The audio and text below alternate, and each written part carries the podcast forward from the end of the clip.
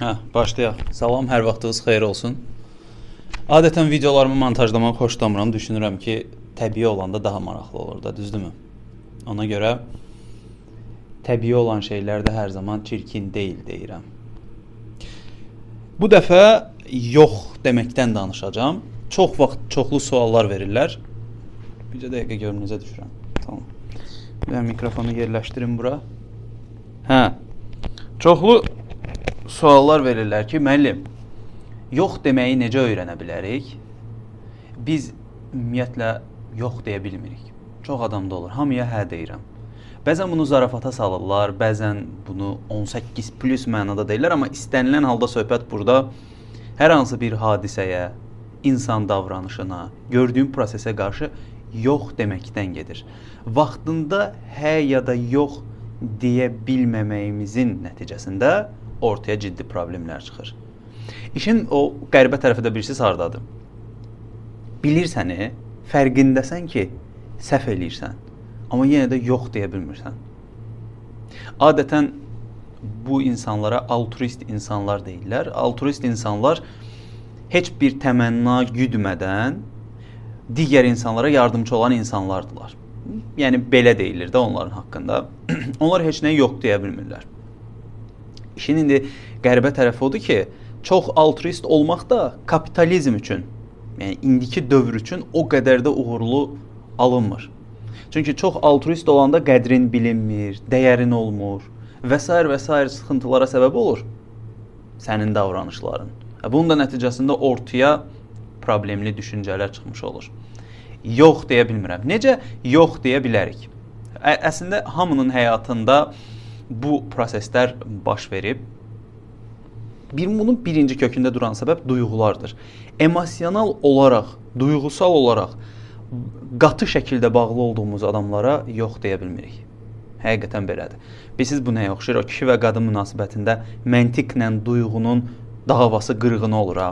Məntiq istəmir, amma duyğu deyir, yox, sən onu sevirsən və s. Sevdim və belə alındı həyatım və s. Sevginin gözü kör olsun, nə bilim, nə, nə, nə, nə kimi şeylər. Yəni buna hansı adı veririksə verək, heç bir problem yoxdur. Burada əsas məsələ işin içinə emosiya, duyğu qarışırsa məsələ bitdi. Orda sənin yox deməyin problemə səbəb olacaq. Dolayısıyla bəzən də ona görə yoxdular deyə bilmirsən ki, sənin həyatında ciddi formada duyğu boşluğu yaranıb. Bu ailədə olub, münasibət qurduğun insanlarda olub, dost, tanış, sevgili, təhsil prosesi və s. və s. Və sən kimisə mütləq şəkildə xoşbəxt eləməyə çalışırsan. Çalışırsan ki, kimsə səndən narazı olmasın və özünü təsdiqləməyə çalışırsan ki, yox, mən belə deyiləm.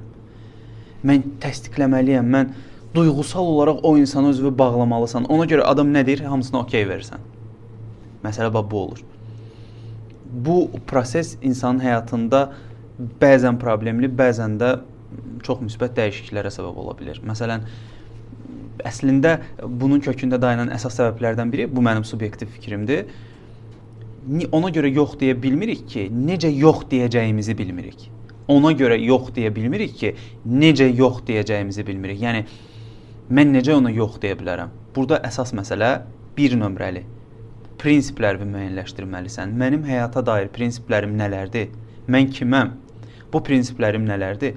Və prinsipləri müəyyənləşdirəndən sonra prinsiplərinə uyğun şəkildə hərəkətə başlamalısan ki, prinsiplər olan yerdə duyğuları idarə etmək biraz rahat olur. Və sən prinsipləri və zidd getmirsən. Yavaş-yavaş onu tətbiq etməyə çalışırsan. Alayarımçıq adam deyilsən də, tam bütöv prinsipial birisən və sən prinsipləri ilə hərəkət eləməyə meylli olursan. Məsələ budur. Bir sözüm var, deyirəm, hər şey e, həyatda zəhərdir, önəmli olan onun dozasıdır. Bax o prinsipləri müəyyənləşdirəndən sonra hər şeyin dozasını doğru şəkildə müəyyən eləyib, doğru şəkildə də addım ata bilirsən. Bir də bir şey unutmayın ki, hər şeyə hə demək və ya hər şeyə yox demək də bir müddətdən sonra davranışlarınızda belə sıxıcılıq yarada bilər. Ona görə hər şeyi bilmək, öyrənmək istəyi sonda heç nə etməməyə səbəb olur. Yəni özünüzü məcbur eləməyin ki, niyə mən beləyəm, niyə bu problem var, niyə düzəlmir, başqası belədir və s. Yəni özünüzdə olan bir şeyi təkmilləşdirin, amma başqasında olan bir şeyi öz-özünüzə yapışdırmayın. Məsələ bax budur. Ona görə bu problemli bir şey deyil, tamamilə normal bir şeydir. Sadəcə prinsipləri müəyyən etməlisən, o prinsipləri nə olduğunu bilməlisən, özünü bütövləşdirməlisən. Ondan sonra istədiyin adama hə də deyəcəksən, istədiyin adama yox da deyəcəksən. Məsələ bax budur. Ona görə öpürəm gözlərinizdən. Videonu like eləməyi unutmayın, rəy yazmağı da unutmayın. Çoxlu rəy yazın, mübahisələr eləyək. Çox sağ olun izlədiyinizə görə, doğrudan həqiqətən dəstəyinizə görə də təşəkkür edirəm. Özünüzə yaxşı baxın, çalışın, yoxu və hənin yerini hər zaman dəqiq biləsiniz. Görüşərik.